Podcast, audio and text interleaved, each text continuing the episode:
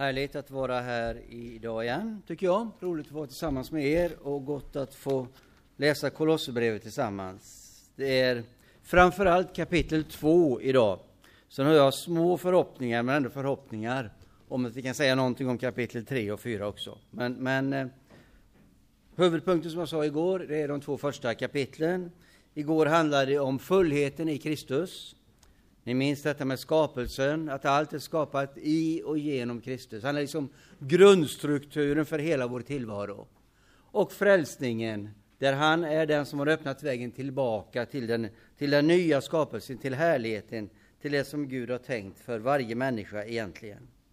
Och i honom så har vi redan nått vår fullhet. Det är inte synligt ännu, det är kryptiskt, det är krypto, det är hemlighetsfullt. Det är ett mysterium som förkunnas för mänskligheten. Det finns där, men alla ser det inte ännu. Den som har fått tro på Jesus har fått börja se detta. Och du får sätta tro till att du har hela fullheten. Men inte synligt förrän i himlen en gång. För du har nämligen Kristus och mer kan man inte ha. Talade om det igår något lite, alltså man kan inte vara kristen till 71 procent eller 28 procent eller så. Utan har du Kristus, är du Guds barn, ja då är du Guds barn. Så är det ju också i våra vanliga familjer. Vi har inte halva barn eller trekvartsbarn eller så där hemma. Utan är man barn så är man barn. Sen kan man vara olydiga barn, har jag hört. Och man kan vara trevliga och snälla och goda barn och så. Men en annan sak.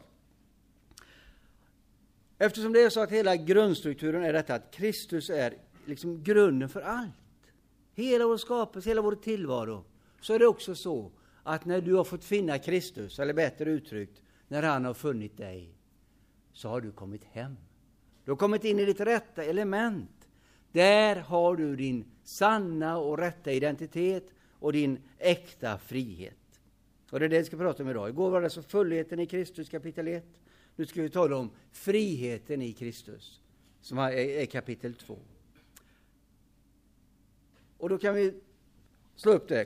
Kolosserbrevet 2, så läser vi.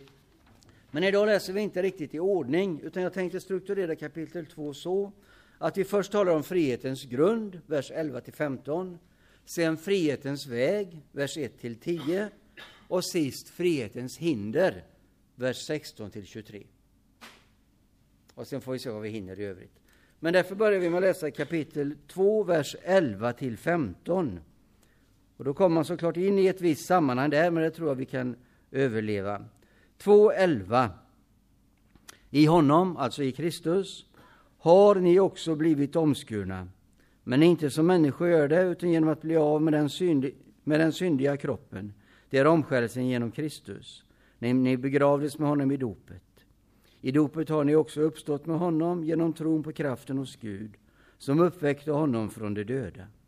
Och ni som var döda genom era överträdelser och ert oomskurna tillstånd, er har Gud gjort levande tillsammans med Kristus, i och med att han förlät oss alla våra överträdelser och drog ett streck över det skuldebrev som belastade oss med lagens krav.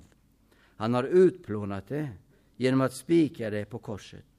Han avväpnade härskarna och makterna och utsatte dem för allas förakt när han triumferade över dem genom Kristus. Alltså frihetens grund. Många människor tänker nog, ja men jag är väl fri. Det är väl snarare så att om man skulle bli kristen så blir man mindre fri. Därför att då har man ju det här med Jesus som Herre att relatera till. Och, och Guds bud och hålla ordning på och så. Begränsar inte det min frihet?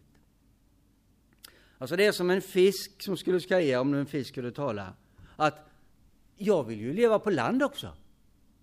Det är ju en oerhörd begränsning för mig att jag bara ska vara i vattnet. Alltså ditt rätta element, du är skapad för att tillhöra Kristus. Ungefär som en fisk är skapad för att finnas i vatten. Och visst kan man slänga upp en fisk på land och säga att rent teoretiskt sett så blev ju friheten större nu. För han fick ju vara både i vatten och på land. Men han dog ju. Eller hon, eller den eller fisken. Ja. Så är det med detta som Paulus talar nu. Att vi har blivit levande. Vi fanns i ett sammanhang som var dött, som var dömt till undergång. Men nu har vi blivit levande, i vers 13. Ni som var döda genom era överträdelser och ert oomskurna tillstånd, er har Gud gjort levande tillsammans med Kristus. Det är Bibelns perspektiv. När vi döptes, och omskärelsen här är ju en bild för dopet. Ni vet ju det att i den judiska kulturen så är omskärelsen tecknet på att man tillhör Guds folk. Så blir dopet det, det är tecknet, porten in i Gudsriket. Och det var ju härligt att Thomas ska prata om det i eftermiddag. Ta vara på det om ni kan. Detta med do, hur värdefullt dopet är. Och så att man också får lite hjälp att orientera sig i med olika dopsyner och vad det ger för, för effekter sen om man tänker på det ena eller andra sättet om dopet. Det är viktigt. Här säger Paulus att vi har liksom blivit överflyttade från döden och dödens kultur och dödens sammanhang till det som har en framtid, till livet.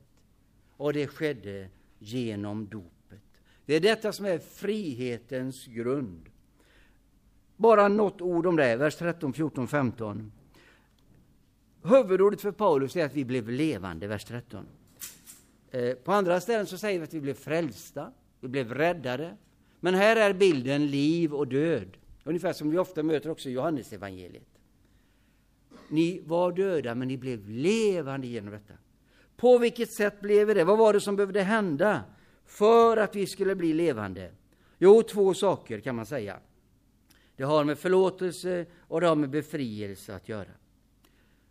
Vers 14. Han drog ett streck över det skuldbrev som belastade er med lagens krav. Det är förlåtelsen. Tänk dig ett skuldebrev. Tänk dig att Gud, nu är inte Gud så, men tänk dig att han sitter och, och antecknar varenda sak du gjort som fel. Varenda tanke du har tänkt, varenda attityd du har haft som felaktig, som inte varit full av kärlek. Så finns det massvis med sidor. Eller gigabyte eller vad som används i detta nu. Fullt med klotter som är ditt liv. Och så får du möta Kristus. Och vad händer då? Jo, allt sammans stryks bort. Det är förlåtelsen. Skulden är utplånad. Det är den ena sidan av, av, av försoningen och det Jesus har gjort. Det andra är, vers 15. Han avväpnade härskarna och makterna och utsatte dem för allas förakt där han triumferade över dem genom Kristus. Det är den andra sidan. Att det inte bara är så att synden är förlåten, utan det är också så att de onda makterna som håller mig fången är avväpnade.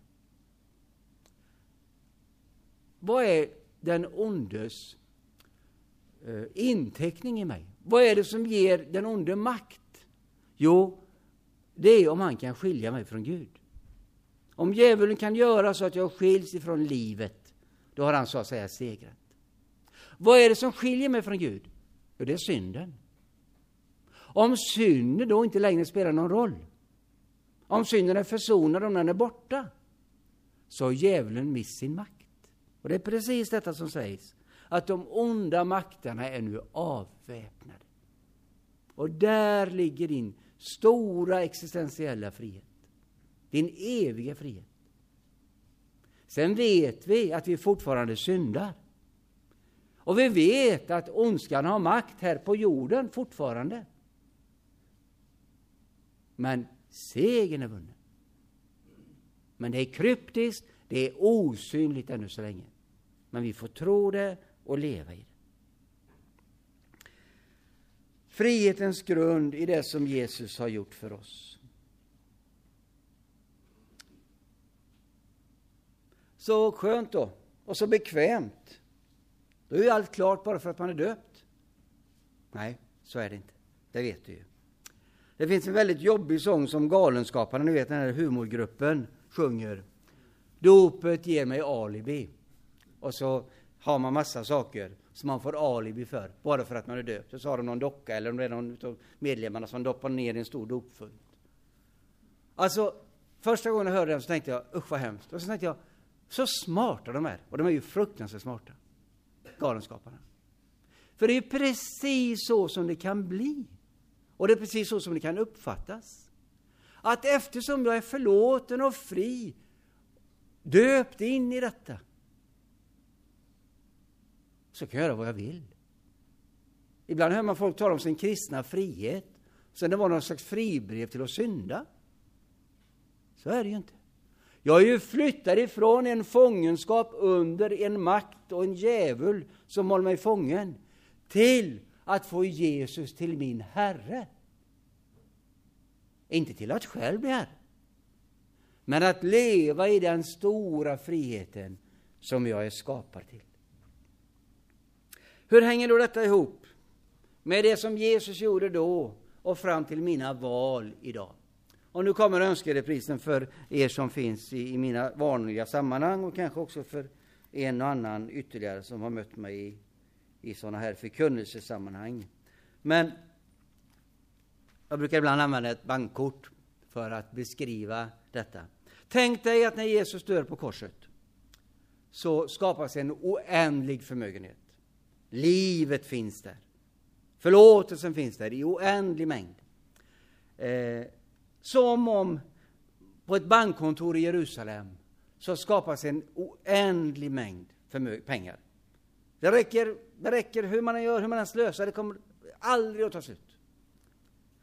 Det skedde då i april 30, när Jesus stod på korset och när han uppstod igen. Förmögenheten i en centralbank i himmelen. Så går missionen ut. Det är ledningarna från den här banken som dras ut över hela världen. Och så skapas det lokalkontor, bankkontor. Det är våra församlingar, våra kristna gemenskaper, där den här förmögenheten har en koppling, så att säga, bak till det här stora, stora bankkontot i himlen. Och sen när du döps, då får du ett bankkort med just din kod. Din personlighet, ditt namn. Knyt samman i det här lokalkontoret genom ledningarna som missionen har byggt till det här sko, stora, stora evighetskontot i himmelen. Så långt är det klart för dig som är döpt. Men sen är det ju så, nu är det tyvärr inte så att det finns så där jättemycket pengar på detta, men om det hade funnits 17 miljoner på det kontot och det hade legat här, kortet hade legat här och det fungerar jättebra in i, i minuten och bankomaten och vad det är för något. Men det ligger där. Och ingen har berättat för dig att det här kortet är knutet till dig. Och går du till en bankomat så kan du plocka ut 17 miljoner. Så hjälper det ju inte. Eller om man har berättat det, men du inte lever i det. Så hjälper det inte heller. Och det är just detta som är varje dags utmaning. Luther talar om den dagliga omvändelsen. Att varje dag vända sig ifrån det gamla livet det skadade livet, det trasiga livet, livet utan Gud, och till att återvända till sitt dopliv. Och på nytt på morgonen ta emot det och leva i det. Detta är alltså frihetens grund, det jag har fått i dopet en gång och det jag varje dag så att säga får leva i. Att få använda mitt, mitt kort, om man nu vill kalla det så. Det är alltså genom att jag får säga ja till det som jag får leva i denna nya frihet. Men det är inte jaet som är en merit, utan det är en gåva som jag får säga ja till. Det är alltså inte så att jag kan berömma mig av att jag har sagt ja till Jesus, utan det är så att jag får ta emot en gåva som jag har öppnat. Hur många av er säger jag är ju fantastiskt bra, jag fick 17 julklappar. Men man kan ju säga, jag är hemskt glad för att jag fick 17 julklappar. Det är ingen merit att jag fått julklappar. Men jag får öppna dem, jag får använda dem. Det var någonting om, om grunden, och det, vi ska inte ta mer tid till det. Nu, frihetens väg, eh, vers 1-10 till 10. Jag vill att ni ska veta hur jag har kämpat för er och för dem i Laodikeia och för alla som inte har träffat mig personligen för att de ska styrkas i sina hjärtan, förenas i kärlek och nå fram till hela den djupa och rika insikt som är kunskapen om Guds hemlighet, Kristus. I honom finns vishetens och kunskapens alla skatter gömda. Detta säger jag för att ingen ska kunna övertala er under falska förespeglingar. Ty även om jag är kroppsligen frånvarande så är jag hos er i anden och gläder mig när jag ser er, er goda ordning och fastheten i er tro på Kristus. Ni har lärt känna Herren Kristus Jesus. Lev då i honom, med rot och grund i honom, allt fastare i den tro som ni har undervisats i, och låt er tacksamhet överflöda. Låt ingen göra er till fångar i de tomma och bedrägliga vishetsläror som bygger på mänskliga traditioner och kosmiska makter och inte på Kristus. Ty i honom har hela den gudomliga fullheten förkroppsligats och tagit sin boning. Och i honom som är huvudet för alla härskare och makter har ni nått er fullhet. Inte kommer ni att nå er fullhet. Har ni nått er fullhet?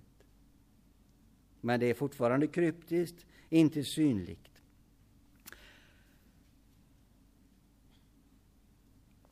Detta är nu på väg in mot det som är Paulus egentliga ärende i sitt brev. Det som är hans bekymmer. Men han har sagt mycket innan dess. Men han ser att friheten i Kolosse är hotad. Det finns bland annat det som vi kan ana i vers 8, en tanke om detta med att, att, eh, att det finns en extra kunskap på något sätt, en extra upplevelse som man kan få. Eh, och som vissa har fått och som andra då kanske inte har fått och som man tänker, men vad är det för fel på mig? Vers 8, låt ingen göra er till fångar i de tomma och bedrägliga visesläror och så vidare. Vi ska återkomma till det, men Paulus svar preliminärt är ju detta. Du har redan allt. För du har ju Kristus.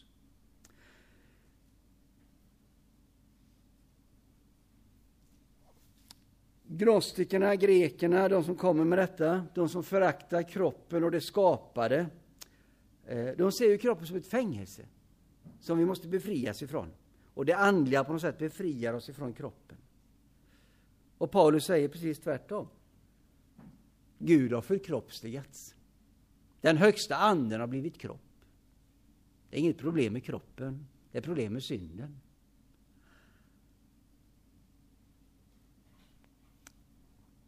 Det är detta som, som blir problemet så småningom och vi ska alldeles strax återkomma till det. Men bara först, vad är det som är Paulus råd till folket? Jo, han säger detta, vers 6 framförallt. Ni har ju redan lärt känna Kristus.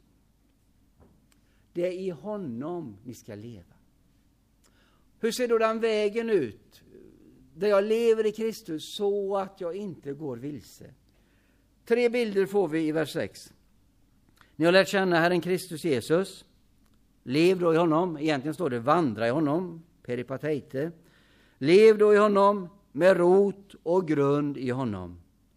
Tre bilder. Vandra, det vill säga bilden av väg. Med rot, bilden av ett träd eller en växt. Och grund, bilden av en byggnad. Väg, träd, byggnad. Vi känner igen de här bilderna från Nya Testamentet. Hur hjälper det mig i mitt liv som kristen? Och kanske också att komma rätt eh, i massa olika läror och funderingar som finns runt omkring mig. Vägen. Jesus säger själv, jag är vägen. Vi vandrar en väg. Det som du möter på vägen behöver integreras i din kristna tro. Tron ser ju annorlunda ut när man är barn eller när man är vuxen.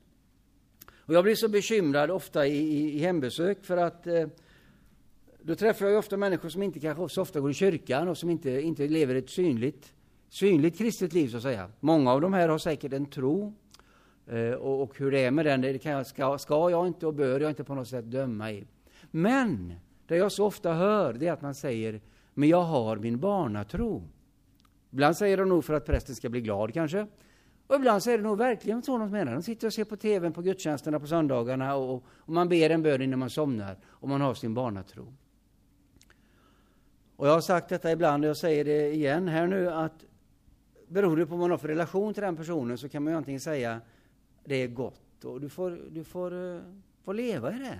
Och, och, och, fint om du kan komma till kyrkan, för jag tror vi behöver varandra. Vi kan inte vara kristna på egen hand och så där vidare. Men sen kan man också vara lite tuffare och säga, varför har du en barnatro? Du är ju vuxen. Det är väl inget ideal om jag är 58 eller 73 eller 19 år, att jag har en barnatro. Jag ska väl ha en tro som har mognat utifrån det jag har mött under livet. För om inte tron integreras under vägen som jag går, så kommer ju tron att vara här och jag kommer att vara här. Därför jag går i sjätte klass i skolan och får höra om evolutionsteorin.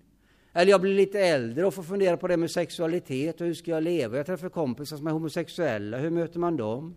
Jag får se hur orättvist det är i världen, där jag ju utnyttjar världen mycket mer än jag har rätt till. För jag, jag, jag liksom tar till mig av jordens resurser mycket mer än vad ett medeltal av jordens befolkning gör. Alltså jag är orättvis, jag stjäl ifrån världen. Jag möter massvis med frågor på min vandring. På min vandring, som då ska vara en vandring med Jesus. Så att de frågorna jag möter integreras med min tro, möter min tro, och så att min tro växer och mognar. Sen ska jag ha kvar min barnatro i den meningen, Gud som haver barnen kär. Tryggheten, barnaskapet. Men inte en tro som inte har blivit prövad intellektuellt och utifrån det jag möter i livet. Att vandra, leva i honom, vandra i honom. Trädet, då har det med näringen att göra, rötterna. Se till så att tron får den näring som, som man behöver. Eh, tar ett annat av mina bekymmer, så är det det bekymret att man har en sån oerhört fri hållning till gudstjänstlivet i svensk kristenhet. Förr i världen, Lars Eckerdal sa det, vår förrförre biskop i Göteborgs stift. Han sa det att när jag växte upp, så de som var kyrkliga gick i kyrkan varje vecka, och de som var okyrkliga gick en gång i månaden. Idag går de kyrkliga en gång i månaden. Alltså som om jag inte behöver näringen, kraften. Och som om jag är ensam. De andra behöver ju mig i gudstjänstlivet, i föreningen, i det kristna sammanhanget där jag är med. Alltså, trädet behöver ljus, näring, rötterna djupt ner i marken, med rot i honom. Det behöver din tro. Och med grund i honom. Grunden har mer med kunskapen att göra. Apostlarnas och profeternas grund talar Paulus om i Efesierbrevet. Det ska vi bygga på. Och sen är det en utveckling, vers 16. Allt fastare i den tro. Allt fastare i den tro som ni har undervisats i. Och låt er tacksamhet överflöda. Det är alltså mitt ansvar att jag får det jag behöver för min tros växt och mognad. Men trons växt och mognad, det är inte mitt ansvar. Det är Guds ansvar. Det är Gud som gör det, men det är mitt ansvar att han får möjlighet att göra det. Så var det då detta med hindren som är liksom huvudbudskapet för Paulus här. För nu ser han att friheten är hotad i Kolosse. Frihetens hinder från vers 16 och kapitlet ut. Låt därför, låt därför ingen döma er för vad ni äter eller dricker eller hur ni iakttar högtider eller nymånar eller sabbater. Sådant är skuggan av det som skulle komma, själva kroppen är Kristus. Låt er inte beröva segern av dem som hänger sig åt självförnekelse och ängladyrkan och som fördjupar sig i sina syner. De blåser upp sig med sina fåfängliga människotankar och håller sig inte till honom som är huvudet och som försörjer hela kroppen och binder ihop den med leder och senor så att den växer som Gud vill.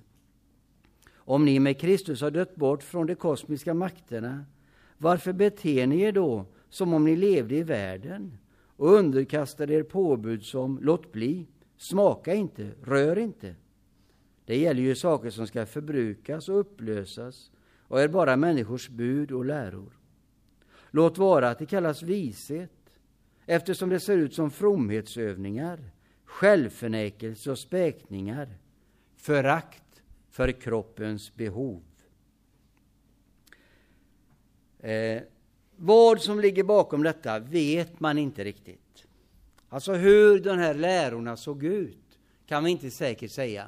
Men däremot vet vi vad som var i svang. Och det var lite olika saker som jag tror finns här. Antingen särskilt så att den ene sa si och den andra sa så. Eller kanske sammanblandat. Men nu särskiljer jag det i tre grupper som jag tror vi kan känna igen. Det som hotar friheten i Kolosse och kanske hos oss, det är för det första lagiskhet, för det andra överandlighet och för det tredje mänskliga konventioner, eller mänskliga traditioner om ni hellre vill använda det ordet. Lagiskhet, överandlighet och mänskliga traditioner. Om vi börjar med lagiskheten, vers 16 och 17. Låt därför ingen döma er för vad ni äter eller dricker eller hur ni iakttar högtider eller nymånar eller sabbater. Sådant är skuggan av det som ska komma. Och lite längre ner i vers 21 att man inte, man inte ska lyssna på dem som säger låt bli, smaka inte, rör inte. Alltså, här finns säkert eh, den judiska eh, lagen i botten på ett eller annat sätt. Eh, kanske tänker Paulus på det när han säger vers 17.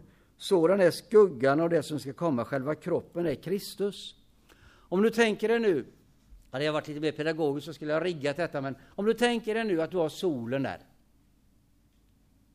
Solen är framtiden, solen är ljuset, solen är härligheten, solen är Gudsriket. Och så ställer vi Kristus här. Eh, ja, ingen annan jämförelse, men nu är det den kroppen som står här, så det är Kristus. Han är kroppen. Vad kommer då bakom?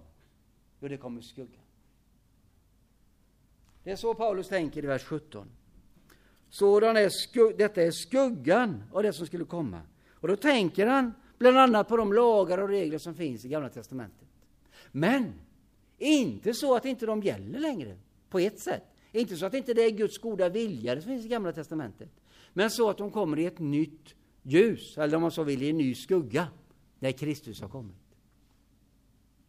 Redan i Gamla testamentet, redan för judarna var det ju så att om man tänker på tio Guds bud så menar ju de inte att man hade uppfyllt femte gudet, budet om man inte hade slagit ihjäl någon.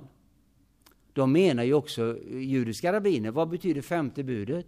Du ska inte dräpa. Jo, det betyder att man ska att man ska lyfta fram livet, att man ska skapa livsutrymme för människor, att man ska göra det lätt för grannen att leva. Allt det där ligger också för en jude i femte budet. Men det blir ännu tydligare nu att det är ju inte lagens bokstav så att säga, utan vi ska ju leva i Kristuslivet. En del av er har kanske fortfarande de här gamla armbanden. Vad, vad, vad, skulle Jesus ha gjort? Jag får inte säga detta på engelska för mina barn för att jag pratar så dålig engelska, men ni vet vad jag menar. Eh, det är precis det som är frågan. Inte om jag har hållit buden, utan vad, vad, är det, vad är det optimala i detta? Vad skulle Kristus ha gjort? Nu säger Paulus här att nu finns det de som kommer fram till er och säger att så ska ni inte göra, och så ska ni göra, och så ska ni göra. Och då handlar det ju inte om att man liksom inte ska hålla Guds bud och sådär. Men det handlar om hur man ska göra det.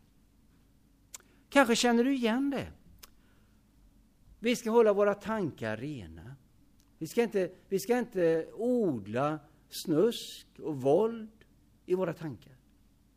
Så kommer någon och säger till dig, går du på bio? Men du ser väl bara Disney då? För det kan ju vara sex i de andra filmerna. Ja, det kanske inte finns någon idag som säger så, men det har funnits det. Det har funnits de som har sagt till mig, du spelar väl inte fotboll på söndag? Jag spelade fotboll när jag var ung. Ja, men det gör man inte om man är kristen. Det finns säkert de som säger, och det kan vara alldeles riktigt, jag kan inte gå ut och dansa.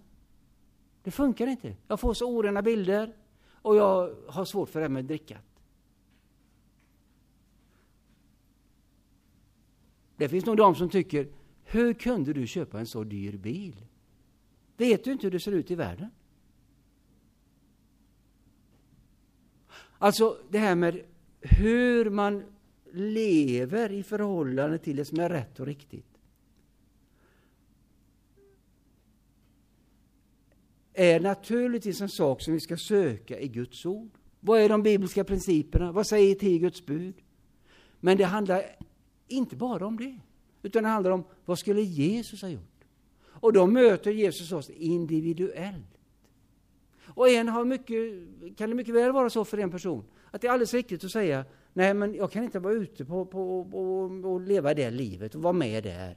För att det funkar inte för mig. Jag klarar inte det. Vad bra att du inte är det då. Men lägg inte den mallen på alla.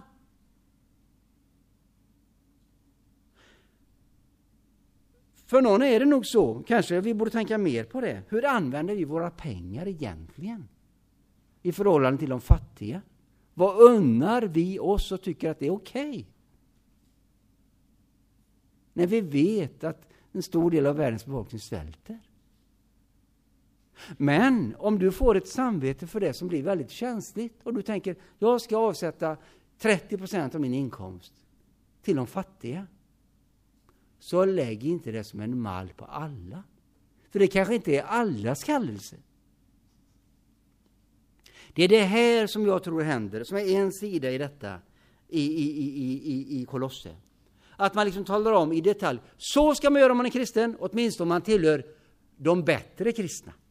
För det var ju det som var problemet, att det blev någon slags skiktning med de som är riktigt kristna och de som inte, inte riktigt lever upp i det. Och så känner de andra sig diskvalificerade. Och Paulus säger, det ska ni inte göra. Ni ska inte beröva segern av de här som visar sin duktighet.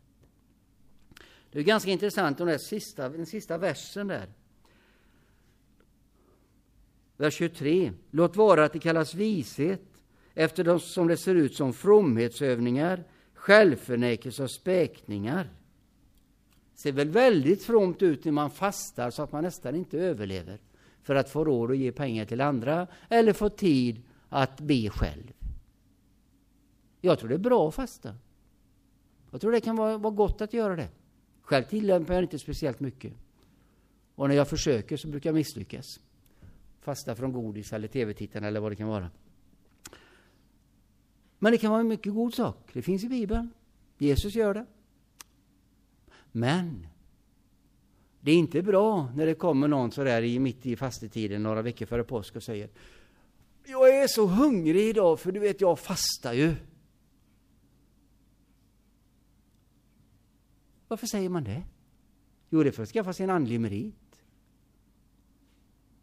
Och för att ta självförtroendet ifrån andra. Alltså lagiskheten som här riskerar att sprida ut sig på ett sätt så att andra förlorar sin kristna frihet. Att göra på ett annat sätt som Gud har kallat dem till.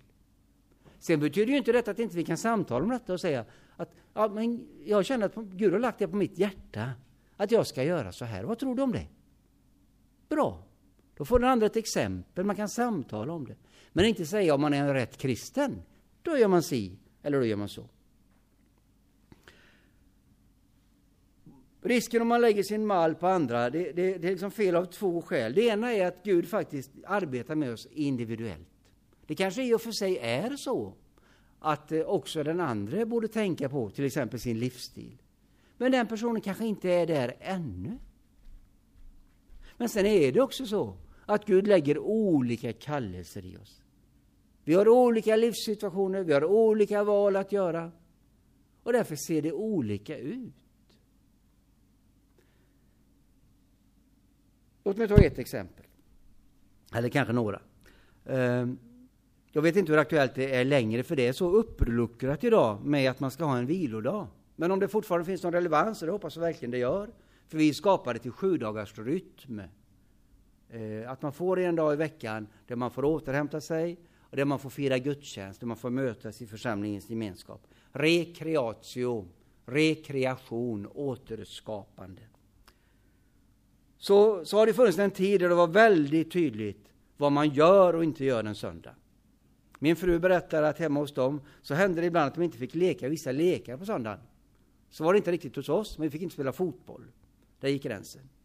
Och jag var så frustrerad när jag var 15-16 år. För att om jag åkte på träningsläger med fotbollslaget så förstod jag att folk tyckte det var knepigt. Men om ungdomarna åkte på en ungdomskursläger med kyrkan så var det bra. Och jag som inte kunde sjunga tyckte det var fruktansvärt orättvist. Och på den tiden så jobbade man inte på söndagar. I Hyssna där jag är född, där var det en lantbrukare som tröskade på söndagen och han gick under det namnet, det är söndagsarbetaren. Så är det inte riktigt idag. Jag är också gammal, så apropå det, Martin. Ja. Haft en eh, militär i skolan och haft, ja, ni vet, ja, ja. Om det är så att ni tänker er runt det här, och så säger vi det här med söndagsarbete då, att, att man vill helga vilodagen, man förstår att det är riktigt att, att eh, det är något speciellt med söndagen. Och kan det inte vara söndag på grund av arbete så får man hitta en annan dag. Um, så har man en trädgårdsmästare som på söndagen arbetar i trädgården. Och sen har man en eh, kontorsarbetare som på söndagen arbetar i trädgården. Kan det möjligen inte vara så att det för den ena är arbete och för den andra är rekreation? Det vill säga, det handlar om hur använder vi detta? Och det ser olika ut för oss. Jag tror inte att jag ska läsa teologi på söndagar. Händer att jag gör det ändå. Eh, men att andra läser en god uppbygglig bok på söndagar, det är nog väldigt bra. Ni förstår, vi är olika. Vi finns i olika sammanhang, olika situationer.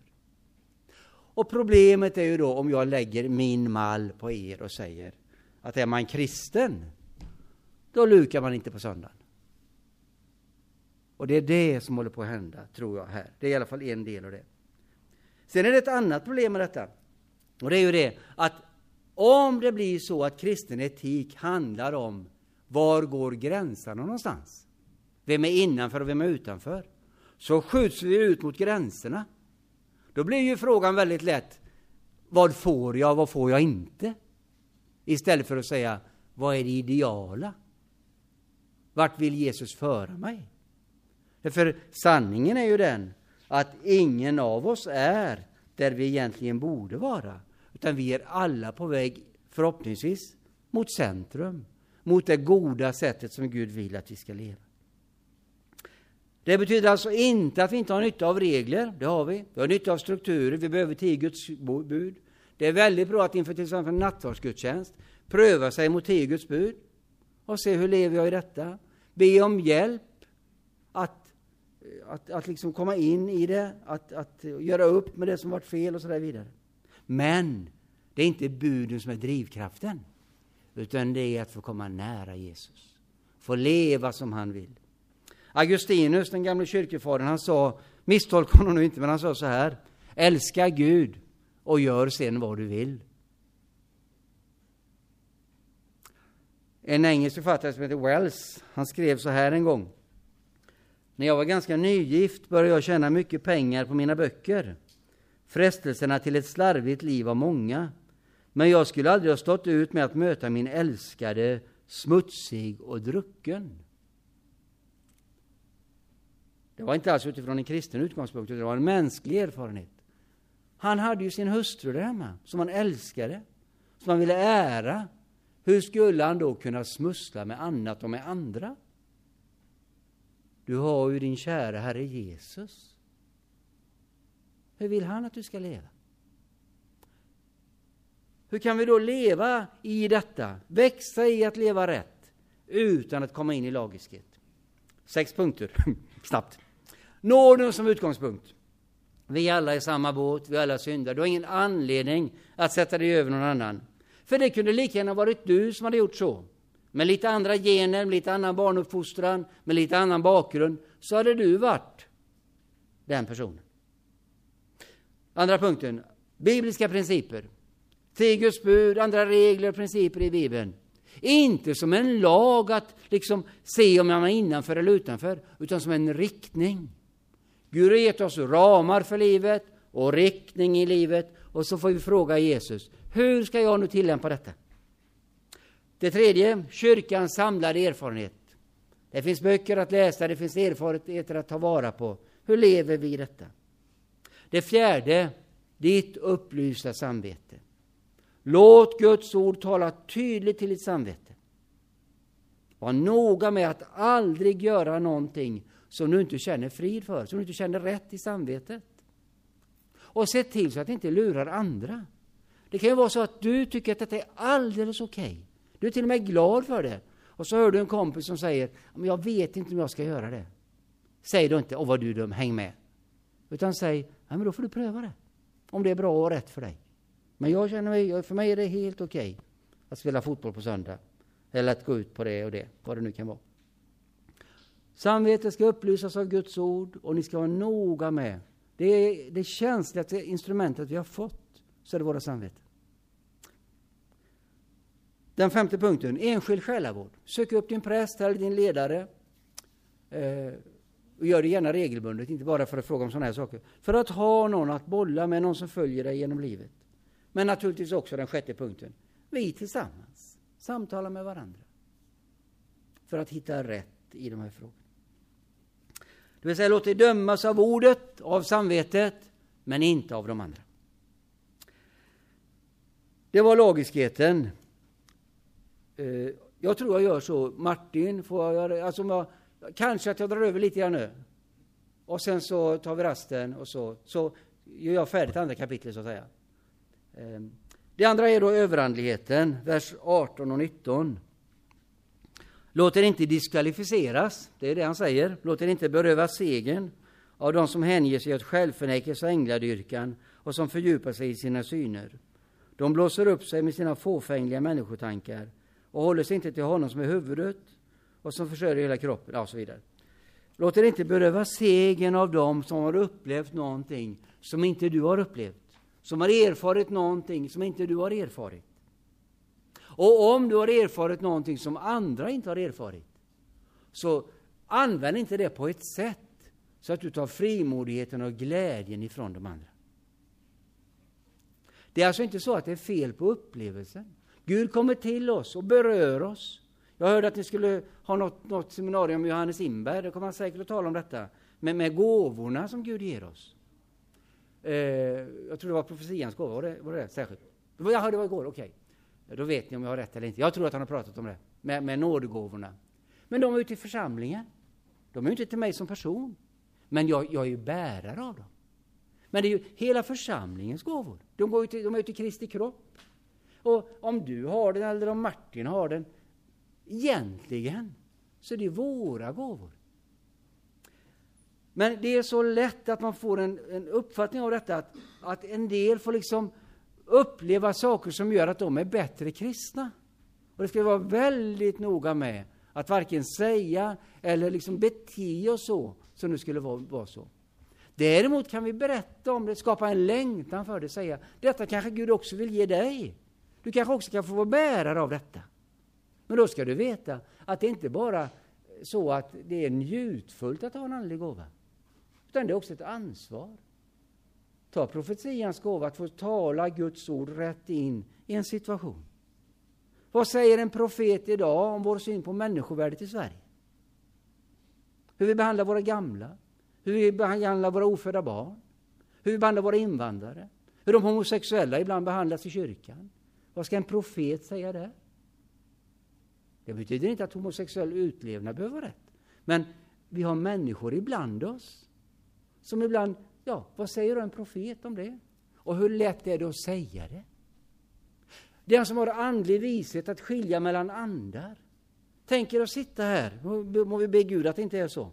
Men tänk er om någon av er skulle ha den gåvan och det visar sig att det jag säger inte alls är sant. Och den här personen får en upplevelse av att detta är falskt. Det är inte rätt, det är falskt. Hur lätt är det att säga det efteråt till mig eller till Martin? Eller kanske ikväll gå fram och säga att jag måste nog säga det. Att det här som vi fick höra på förmiddagen idag, det var inte av Gud. Alltså att få en andlig gåva är också ett andligt ansvar. Och det ges till församlingen.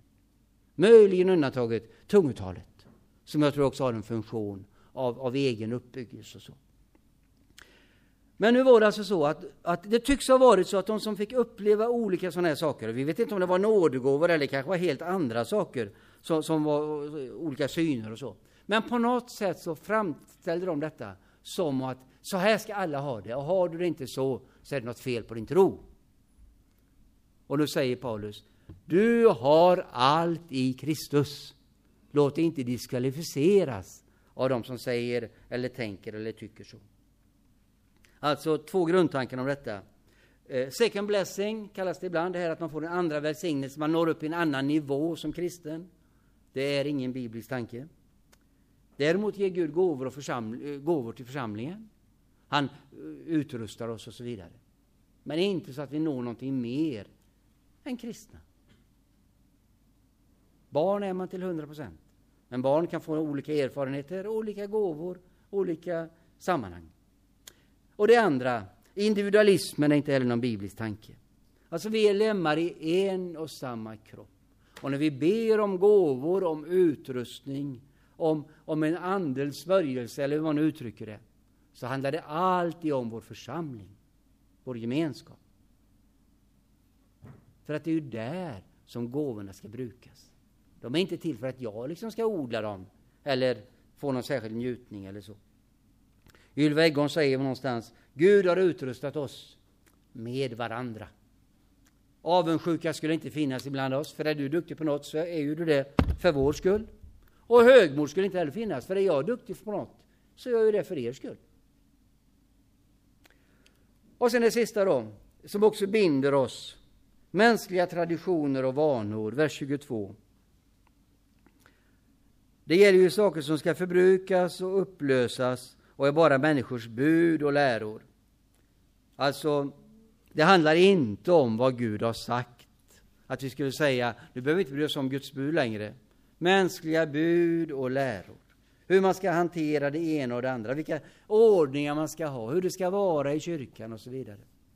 Eh, Michael Green har sagt, och nu får mina barn finna sig i jag citerar på engelska.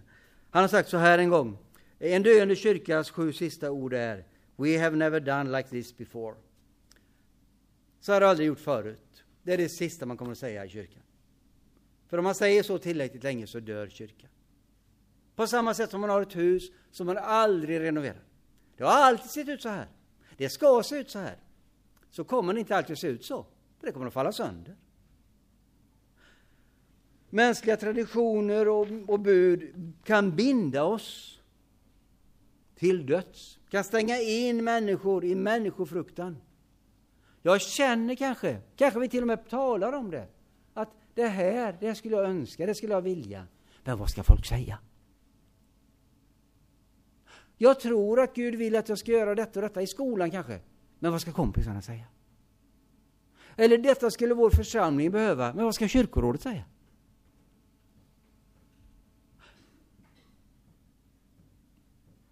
Vi får öva oss i att lyssna inåt i vårt samvete. Lyssna till Guds ord, vad han vill med mig. Och sen får vi naturligtvis vara känsliga för hur fungerar detta i olika miljöer. Men ändå inte bindas av att det kan finnas en eller annan som kanske grymtar lite, undrar lite. Alltså avslutningsvis nu då, före rasten. Tre hinder för vår frihet i Kristus. Lagiskhet, överandlighet mänskliga konventioner, mänskliga traditioner, mänskliga vanor. Det betyder alltså inte att det är dumt med regler. Vi behöver ordning i vårt liv. Det är jättebra att vi får ha Guds bud. Och vi kanske behöver sätta upp egna regler. Det betyder inte att inte Gud kan komma till oss med välsignelser, med gåvor, med upplevelser. Vi ska be om det, längta efter det. Det betyder inte att det är dumt med vanor. Jag lärde mig som barn, och det har jag sagt många gånger, om du bevarar vanan så ska vanan bevara dig. Alltså om du varje morgon tänker, ska jag läsa Bibeln idag eller inte? Om du varje söndag tänker, ska jag gå till kyrkan idag eller inte? Så tror jag att tröttheten segrar ganska ofta. Det är bra med regelbundenhet, med vanor. Det behöver vi. Men det är mina vanor, mina upplevelser, min struktur. Jag kan inte lyfta den bara och placera den på alla andra också. Och det är det som Paulus varnar för. Det verkar som det som händer i Kolosser, det är två effekter som jag vill avsluta med. Att det händer att de liksom rangordnar vem är mer och vem är mindre kristen. Och så blir vissa diskvalificerade. Vissa eh, berövas segern som Paulus talar om i vers, vers 18. Känner att de inte räcker till, de duger inte. För de har inte de här, de här, den här strukturen i sitt liv eller de här upplevelserna eller vad det nu kan vara. Kom ihåg, man blir aldrig mer än barn. Men barn kan växa och mogna åt lite olika håll. Och den andra effekten som händer i församlingen, det är att församlingen riskerar att bli ytlig. Det vill säga det som driver det är inte Guds ord och samvetet och var Gud vill Jesus att jag ska vara. Utan det är, har du följt de reglerna? Har du gjort de upplevelserna? Har du den vanan? Yttre ting. Och så sorteras människor efter det. Gud sorterar inte efter yttre ting, utan efter vår lydnad i det han har visat oss i Guds ord och i vårt samvete. Och där är vi olika på vägen, men vi är alla på väg. Där tar vi rasten, så får vi ta de två sista kapitlen efter rasten.